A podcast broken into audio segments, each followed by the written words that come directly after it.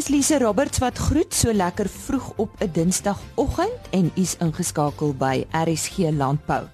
Vandag se program word aangebied met die komplemente van die JSE. Begin vandag jou prysrisiko bestuur. Ons gesels ver oggend bietjie landbou ekonomie sake. Nou u sal onthou dat uh, Ernst Janowski, voorheen verbonde aan Absa Agri besigheid, altyd met ons gesels het oor uh, oor ekonomie en uh, wat uh, tans in landbou gebeur en uh, wat ons te wagte kan wees. So bly ingeskakel vir daardie onderhoud. Dan uh, gesels Leon de Beer van die Nasionale Wolkwekersvereniging oor hulle kongres wat die einde van hierdie maand plaasvind. Hoe lyk die melkstal van die toekoms? En hy praat met 'n dierevoeding spesialis en dan gesels die bestuurder kommoditeite en afgeleide instrumente by die JSE oor die verskillende termynkontrakte. Ons gesels ver oggend met hom oor skaap, bees en wol en môreoggend gesels hy oor die voerkalf kontrak en uh, wat ons verder te wagte kan wees. Onthou, dit is ons onderhoud met die JSE vir oggend. Eers dan die woord Ernst Janowski, soos ek gesê het voorheen verbonde aan Absa Agribesigheid en steeds 'n landbou-ekonoom. Henny Maas het met hom gesels.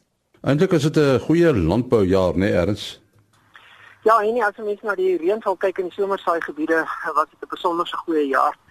Dit kan 'n mens duidelik sien in die graanpryse wat dramaties geval het, so dit sê vir daar's 'n oes op pad Ehm um, so aan die graankant is daar definitief 'n baie positiewe gedeelte wat hier kom op die huidige stadium. As 'n mens egter na die vleis kyk, is dit net so 'n mooi prentjie wat 'n mens skilder. Ehm um, weens die droogte en die kudde herbousfase wat nou in plaas vind, is daar minder slagdiere in die mark en as gevolg daarvan het pryse ook baie mooi geklim. So as 'n mens daarna gaan kyk, dan sit ons amper op rekordpryse vir skaap, ons sit amper op rekordpryse vir bees. So dit is uh, definitief 'n baie goeie seisoen. Nou die enigste nadeel wat op die oomblik is is natuurlik ons hoop dat die die groter oes sal opmaak vir die laer pryse in mielies en uh, in jou grane. Maar die die die geleentheid wat die ouens gehad het, almal het geweet dis 'n goeie reënjaar, almal het het 'n geleentheid gehad om die pryse al vroeër vas te maak. En danksy die futures markte kon boere dus 'n uh, bietjie vooruit beplan.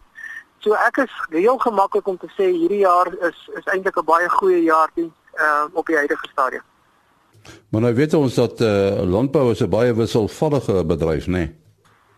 Ja, en die die die, die besproeiingsouens het 'n bietjie probleme in die Wes-Kaap. Uh, ek dink as jy daarna gaan kyk en jy kyk na die potensiaal ons verwag wel dat daar goeie reënval gaan wees in in die wintertye maar hulle het eintlik die water in die somer nodig om om die die blom deur te trek van van vrugset af wat nog uit die winterreënval uitkom maar mense sal graag wil gehad het dan moet dit meer besproeiingswater in in in in die Wes-Kaap wees.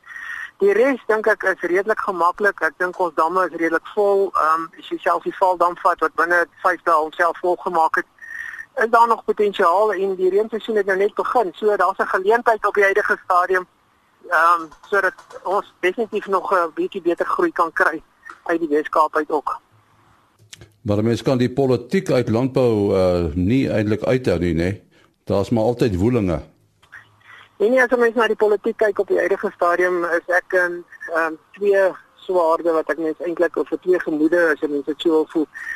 Die een kant is dit baie gemaklik met wat besig is om te gebeur. Hier is definitief 'n klomp mense wat opstaan.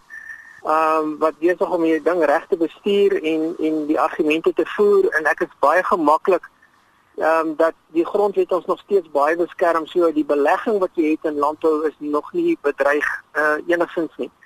Aan die ander kant eh uh, jy weet sit 'n mens met met uitsprake soos grondbeset, al daai tipe van goed wat nou totaal ongrondwettig is, maar wat wat jou kan uh jy weet uh, in 'n in 'n hoek indryf uh wat wat jy baie ongemaklik kan wees in terme van van waarmee jy besig is. So as jy mens na die hele prentjie kyk, dan sal ek amper op die huidige stadium sê politiek is ek redelik gemaklik. Ek dink die ding speel uit in die regte rigting in. Ehm um, ek dink die volgende verkiesing gaan gaan miskien 'n bietjie meer uh, uh jy weet uh, beding word en en die ouens sal 'n bietjie meer uh, oopkop moet begin word. Mense kry as jy na die diensverlewerings en goed kyk, is daar al die gerugte en geklanke wat gemaak word is om om die ouens regtig vas te vat wat wat weet uh, staatskaping en sulke tipe van goed doen en net geld verkoos.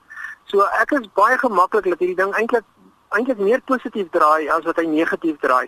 Hoewel ons natuurlik na die aanloop van 'n verkiesing altyd hierdie belofte retoriek kry wat 'n mens uh, in 'n hoek kan kan dryf en vir jou voel asof jy teen 'n muur uit wil klim maar aan die einde van die dag dink ek ehm um, dit is maar net belofte, jy weet verkiesingsretoriek en 'n mens moet dit ook net uh, in ag neem van waar is jy in hierdie proses. En dan nou soos die die rommelstatus en uh, en die uitvoermark, eintlik in 'n sekere sin die rand uh, die status vir diskonteer, né? Ja, tot tot 'n baie groot mate het die rand uh, daai die verswakking wat ons gesien het, het dit het dit vir diskonteer die dit wat ons nou sien met die versterking is is hoofsaaklik die, die die dollar wat verswak het. En as die dollar verswak dan lyk ons net sterker want as jy vat ons was so 2 weke terug was ons uh, um hierso 1 dollar uh, 6 7 sent rolweg tot tot 'n euro gewees. Nou sit ons met hierso in die 12 13 sent al tot die euro. Met ander woorde, dit sê net dood eenvoudig vir jou dit is 'n verswakking van omtrent 6% en dit is eintlik wat jy nou sien is hierdie versterking wat ons nou in ons in ons in ons uh, wisselkoers kry gee vir ons hierdie hierdie uh, wisselkoers wat nou 'n bietjie sterker word. Langtermyn ehm um, dink ek nog steeds ons betalingsbalans bly negatief. Ehm um, langtermyn sal hy moet begin weer verswak. So daar's 'n geleentheid om om 'n bietjie geld uit, uit te vat op die huidige stadium, maar dit weer weer daar, jy weet, as as 'n mens geld in die buiteland het wat jy moet terugbring, sal ek 'n bietjie vasbyt oor die langer termyn sal hy definitief weer in 'n verswakkende toestand gaan. Maar natuurlik hierdie dryf inflasie baie positief vir ons en dit maak dat die koste van kapitaal kan daal, so rentekoerse kan dalk 'n uh, ligte knippie vat hier teen die einde van die jaar. So ek is baie opgewonde dat dit eintlik die landbou nog verder sal stimuleer om verder uit te brei. En die maas daar in gesprek met Ernst Janowski, 'n landbou-ekonoom.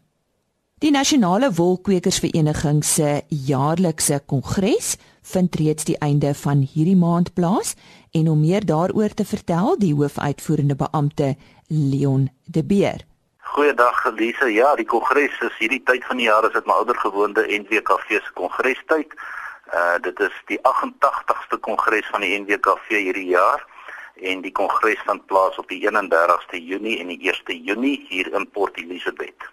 Leon, en wat is vanjaar op die spyskaart? Ja, die tema hierdie jaar is die Wol Olimpiade en as ons gaan kyk na die Olimpiese teken, dan het hy vyf sirkels en ons het elkeen van daai sirkels geneem en dit in 'n tema geplaas.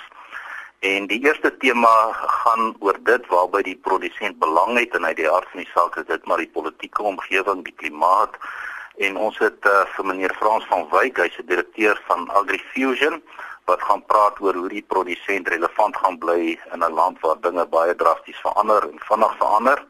En dan bietjie die klimaat, ons het almal maar die droogtes beleef die afgelope tyd sekere dele van die land nog steeds en ons het vir professor Willem Landman van Tikkies wat oor langtermynvoorspellings en weerpatrone met ons gaan gesels. Dan ons tweede tema gaan oor die wolmark spesifiek en hier gaan dit oor vooruitskouings, skeerintervalle, internasionale marktendense, wolkwaliteit se rol in prysbepaling en ag allerhande verskillende prysbepalende faktore wat by wol betrokke is. En dan het ons onlangs 'n afvaardiging na die IWTO, die internasionale wol tekstielorganisasie gehad en hulle gaan vir ons terugvoering gee oor presies wat daar in Engeland gebeur het uh, by die IWTO kongres. Dan die derde tema gaan rondom produksie, uh, so Uh, ons kom kommunale wolontwikkeling gaan spesifiek aandag geniet en ons het vir mevrou Bewana, uh, direkteur van dienslewering by die departement van landelike ontwikkeling en grondsake wat met ons gaan kom gesels oor die toekoms van ons ontwikkelingsprojek in vennootskap met hierdie departement spesifiek. En dan gaan meneer SK Makinana, ons visievoorsitter, uh, van die NDKV nasionaal bietjie gesels rondom terugvoering oor opkomende produsente en wat se suksese hulle behaal het en ook natuurlik wat hulle behoeftes is in ontwikkeling. Dan die volgende drie dinge baie belangrik veediefstal. Uh, ons het meneer Willie Klerk, die voorsitter van die veediefstal voorkomingsforum wat bietjie terugvoering oor veediefstal tendense in Suid-Afrika vir ons gaan gee. Neil Viljoen, ons spesialis in predasiebestuur, gaan vir ons terugvoering gee oor sy opleidingsprogram en ook die resultate wat hy uh, behaal het op die monitorplase. En dan laaste dieregesondheid vir enige lewende hawe produsente baie belangrike ding het ons vir dokter Pieter Vervoort, die voorsitter van die dieregesondheidsforum wat vir ons bietjie daaroor kom toelichting gee. Dan die vierde tema, uh dit is 'n sessie wat uh waaroor die produsent beheer oor het, die dinge waaroor produsente beheer het. En eerstens gaan ons maar kyk na die konstitusionele veranderinge.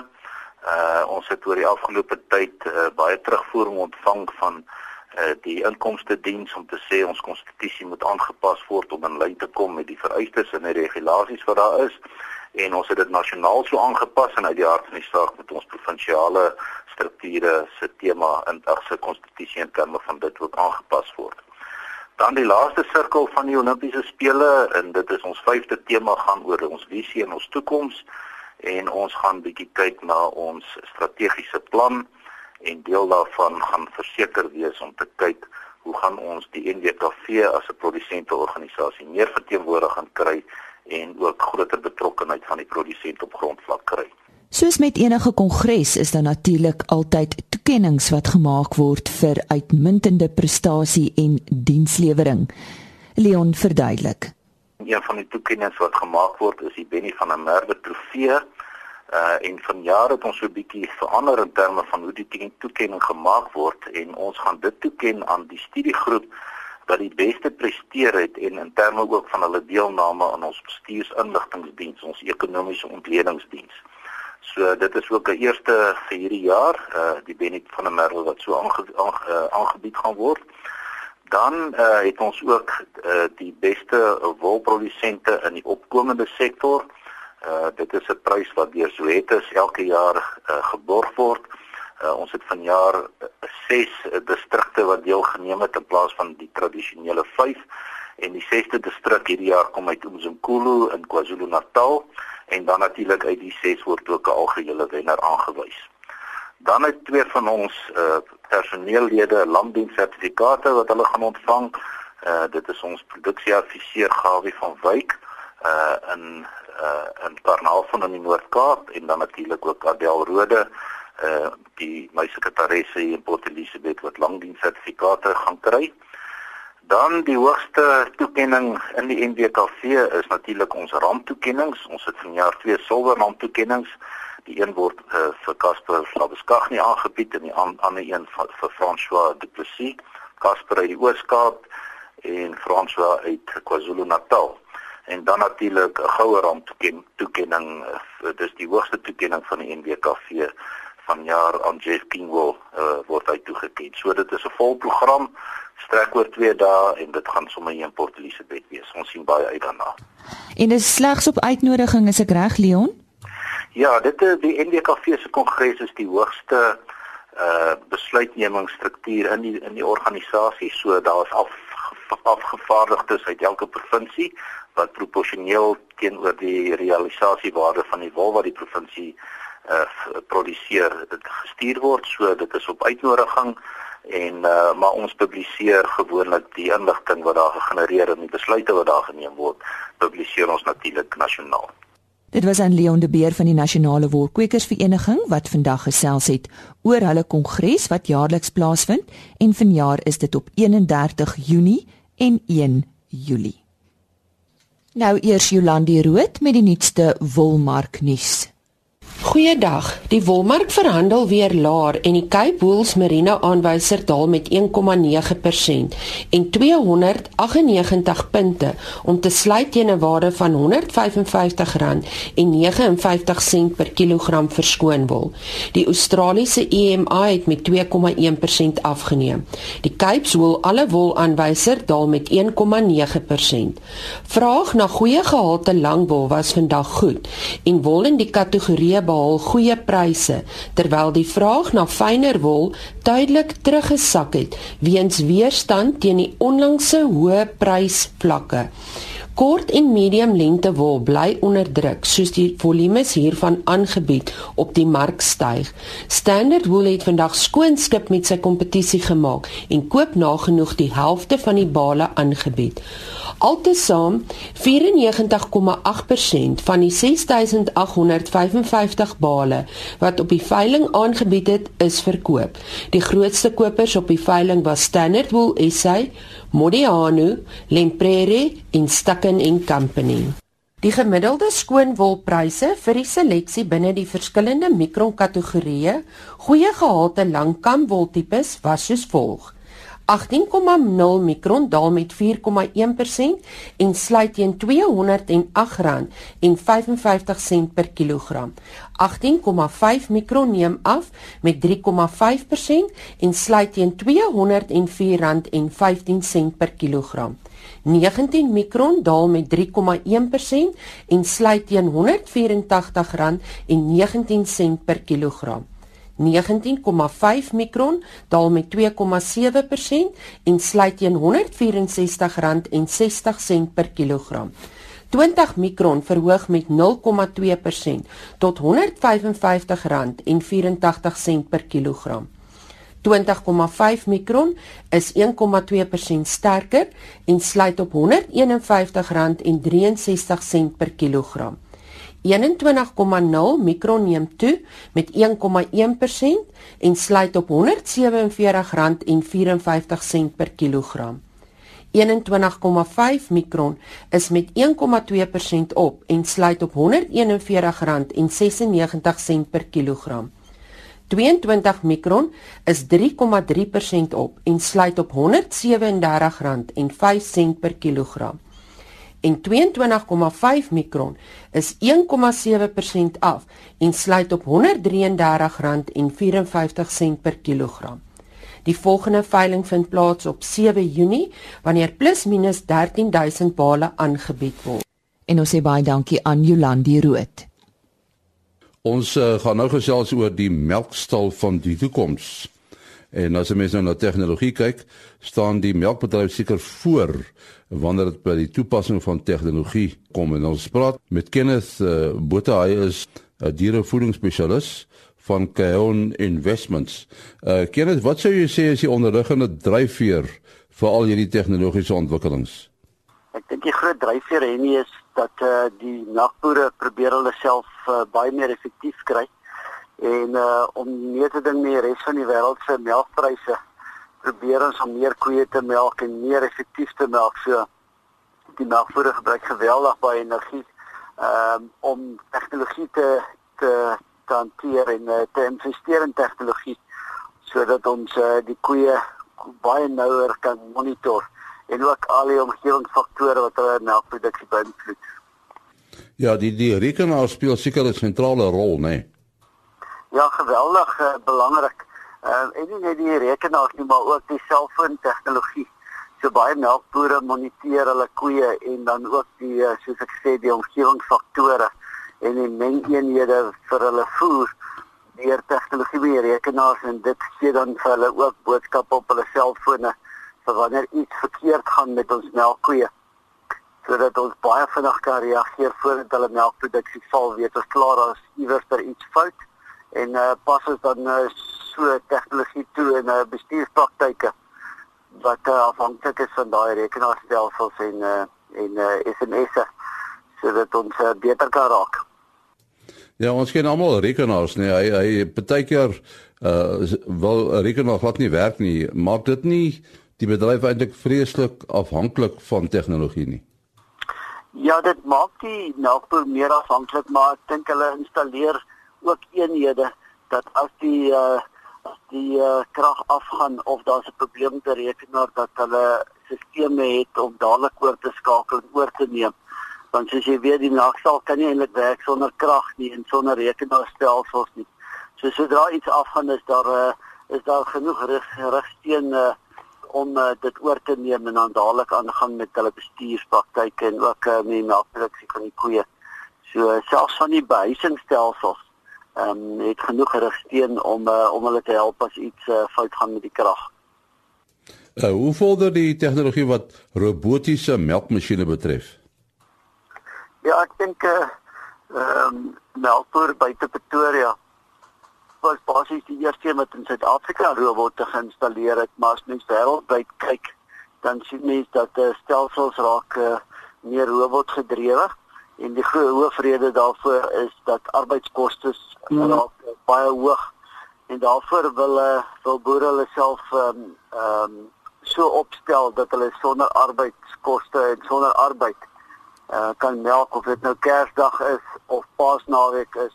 Daar's nie iemand wat uh, wat afhanklik is van uh, van haar arbeid nie en so installeer hulle dan hierdie stelsels wat met robotte alles oorneem en uh, basiese koeie melk. En die Suid-Afrikaanse opset is ons dan nou baie meer kapitaalintensief uh, eerder as uh, arbeidsintensief. Ja, ek, ek dink die boere probeer eh, tans om hulle effektiwiteit te verbeter en as jy effektiwiteit wil verbeter, wil jy die mensfaktor so klein as moontlik maak in jou in jou besigheid. En uh, op daai wyse ehm um, spandeer die mense geweldig baie geld om hulle koeie gemaklik te kry en hulle melkproduksie so te verhoog.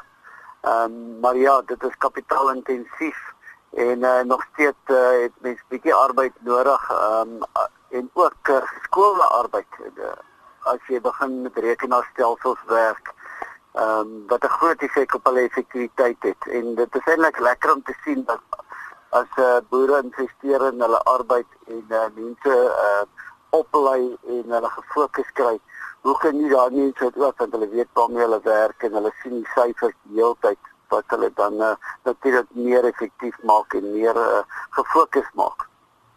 As jy nou in 'n kristalbal moet kyk, waar gaan die noem dit nou maar die melkstal tegnologie staan sê oor 10 jaar?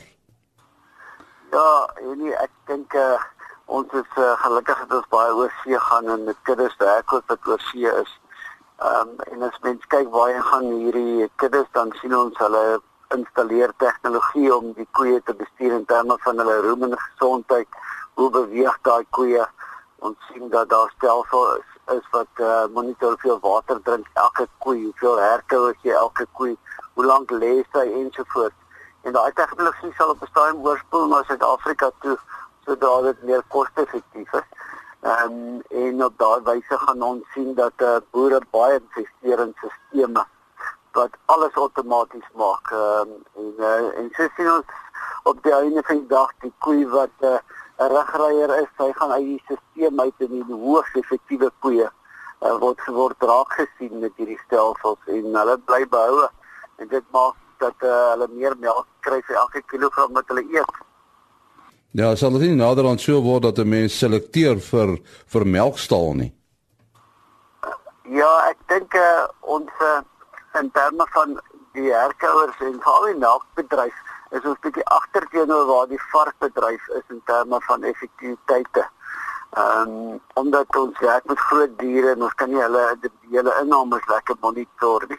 Maar sodra ons meer van hierdie sisteme inkry, sien ons ons gaan definitief selekteer vir vir uh, vir koeie wat hoogs effektief is en baie melk gee per dag. Ehm um, verseker gaan ons uh, investeer in tegnologie. Ons sê baie dankie aan Kenneth Botha van Keon Investments. Hy is 'n dierevoedingsspesialis. Dankie Henny vir daardie interessante inligting oor die melkstal van die toekoms. Volgende aan die woord, Rafael Karwae. Hy is bestuurder kommoditeite en afgeleide instrumente by die JSE en hy kyk vir oggend en môreoggend na die verskillende termynkontrakte wat beskikbaar is. Hy begin met bees. Môre Lise en uh, dankie vir die geleentheid en uh, goeiedag aan jou luisteraars. Ehm um, ja, uh, die die die beeskarkas uh, verhandel nou al reeds vir 'n jaar nou, of meer as 'n jaar, ek meer as 'n jaar. En sover het ons uh, so 472 kontrakte al verhandel uh, ter waarde van uh, 17.3 miljoen rand.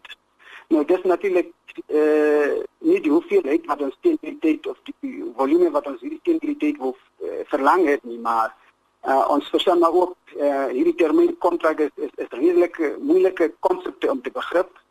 Uh, maar ons is ons is bly dat ons dat ons uh, en, dat die dat die deelnemers die markdeelnemers nou stelselmatig uh, stadig maar seker uh nou die die die die, die verstaan. En dis hoekom ons ook staan met die instansies soos jou uh roodvleis uh abattoirvereniging of die roodvleis produsent organisasie. Uh eintlik nou staan met hulle you know saam kom en en veral by hulle se boere daar of toe dan dan organiseer ons uh, opleidingsproses. Veral vir die boer die abattoir of die voerkraal uh, voerkraal uh, eienaar net om hierdie om hierdie produkte te verstaan en en as ons sê jy verstaan dan moet jy nou presies weet wat wat bedoel ons. Rafael dan verstaan ek jy het ook nou 'n lamkarkas kontrak beskikbaar is dit reg so? Dis reg ons ons het so 2 weke terug ehm um, het ons 'n lamkarkas op die beurs ook nog weer begin verhandel. Ons is, ons is natuurlik baie opgewonde uh, dat ons nog 'n rooi vleisproduk bygevoeg het om om die markdeelnemers nog te kan help om um, met sy om sy prys ris, risiko te kan bestuur. Uh dis presies op dieselfde beginsels ontwerp soos die beeskarkas kontrak. Een kontrak met ander woorde jou minimum eenheid wat wat jy op die beurs kan verhandel is 1000 kg. So vir die vir die beeskarkas is dit omtrent uh so 4 uh verkoelde karkasse en vir die lammers vir die uh, is dit omtrent so 50. So dis presies uh op dieselfde ons sal maar sien hoe hoe sal dit verloop. So as ek 'n voorbeeld kan vat uh, as 'n boer vandag so 50 lammers het wat hy sê binne 2 weke uh gereed wil hê vir die mark of so dan dan kan hy nou al sy prys uh, vasmaak deur om hierdie produk op die op die op die JC te kan te kan gebruik. Maar natuurlik dan moet hy eers ehm, 'n um, rekening oopmaak by enige van ons uh, goedgekeurde makelaars uh, om om om die ons posisies te kan neem uh, om om om dan voordeel te trek. Kom ons beweeg bietjie na die wol termynkontrak toe. Hoe werk dit? OK, die wol, ehm um, kom ek sê al hierdie kontrakte wat ek tot sover genoem het, word met kontant vereffen. Met ander woorde, elke kont eh, elke kontrak uh, het 'n beperkte leeftyd en en as dit uh, aan die einde van die termyn kom, kry jy eintlik 'n kontant uh en plus van die fisiese kommoditeit. Dis nou dis nou bietjie anders as vir byvoorbeeld soos by die immigrantbedryf waar jy as jy tot die einde van jou uh, termyn uh, kom, het jy 'n opsie om die fisiese milie of of of of koring te kan ontvang maar in hierdie in hierdie geval van die uh, uh, beesproduk of die roofvleisprodukte wat ons hier het uh, het ons gevoel um, let 'n kort leeftyd so kom ons begin maar eers met 'n uh, kontant vereffende produkte en dan as as ons nou bietjie you know uh, langer bly dan kan ons miskien kyk of ons of ons ook die fisiese produk kan kry. So met ander woorde as ons nou terugkom na jou vraag van die wol ons het natuurlik ook nou 'n uh, 'n kontant wolkontrak uh, wat ons beplan. Uh, ons het nou in samewerking met uh, die Kaap Wol het ons nou eintlik nou 'n bietjie saamgespan om hierdie produk aan die aan die publiek te kan aanbied. Uh omdat daar baie variasies van wol in die mark is, uh, moet mense nou eers seker maak uh, watter produk dit is wat jy presies verhandel. So vir die wol kontrak gebruik ons wat hulle noem die Merino Wall Indicator. Dis 'n dis 'n indeks wat eintlik nou deur die eh, Kaap Wol uh, uh, administreer word en dis eintlik wat ons nou gebruik om om die prys uh, teen die einde van die dag um, te kan afsluit. Ons is baie opgewonde daarmee ons sal uh, ons beplan om so teen 5 Junie sal ons nou die wol kontrak uh, te kan aanbied aan die publiek. Onthou ons gesels weer môreoggend met Rafael Karwaye. Hy is bestuurder kommoditeite en afgeleide instrumente by die JSE. En môreoggend praat hy oor die voerkalf kontrak en wat ons nog verder vir landbou by die JSE te wagte kan wees. Nog 'n onderhoud wat u na kan uitsien môreoggend is eh, met professor H.O. de Waal. Hy praat oor eh, truksvye as veevoer. So onthou weer môreoggend saam met ons te kuier. RC Landbou is vandag aangebied met die komplemente van die JSE. Begin vandag jou prysrisiko bestuur. Tot môreoggend om 05:30. Totsiens. RSG Landbou is 'n produksie van Blast Publishing. Produksieregisseur Henny Maas. Aanbieding Lisa Roberts en inhoudskoördineerder Jolande Rooi.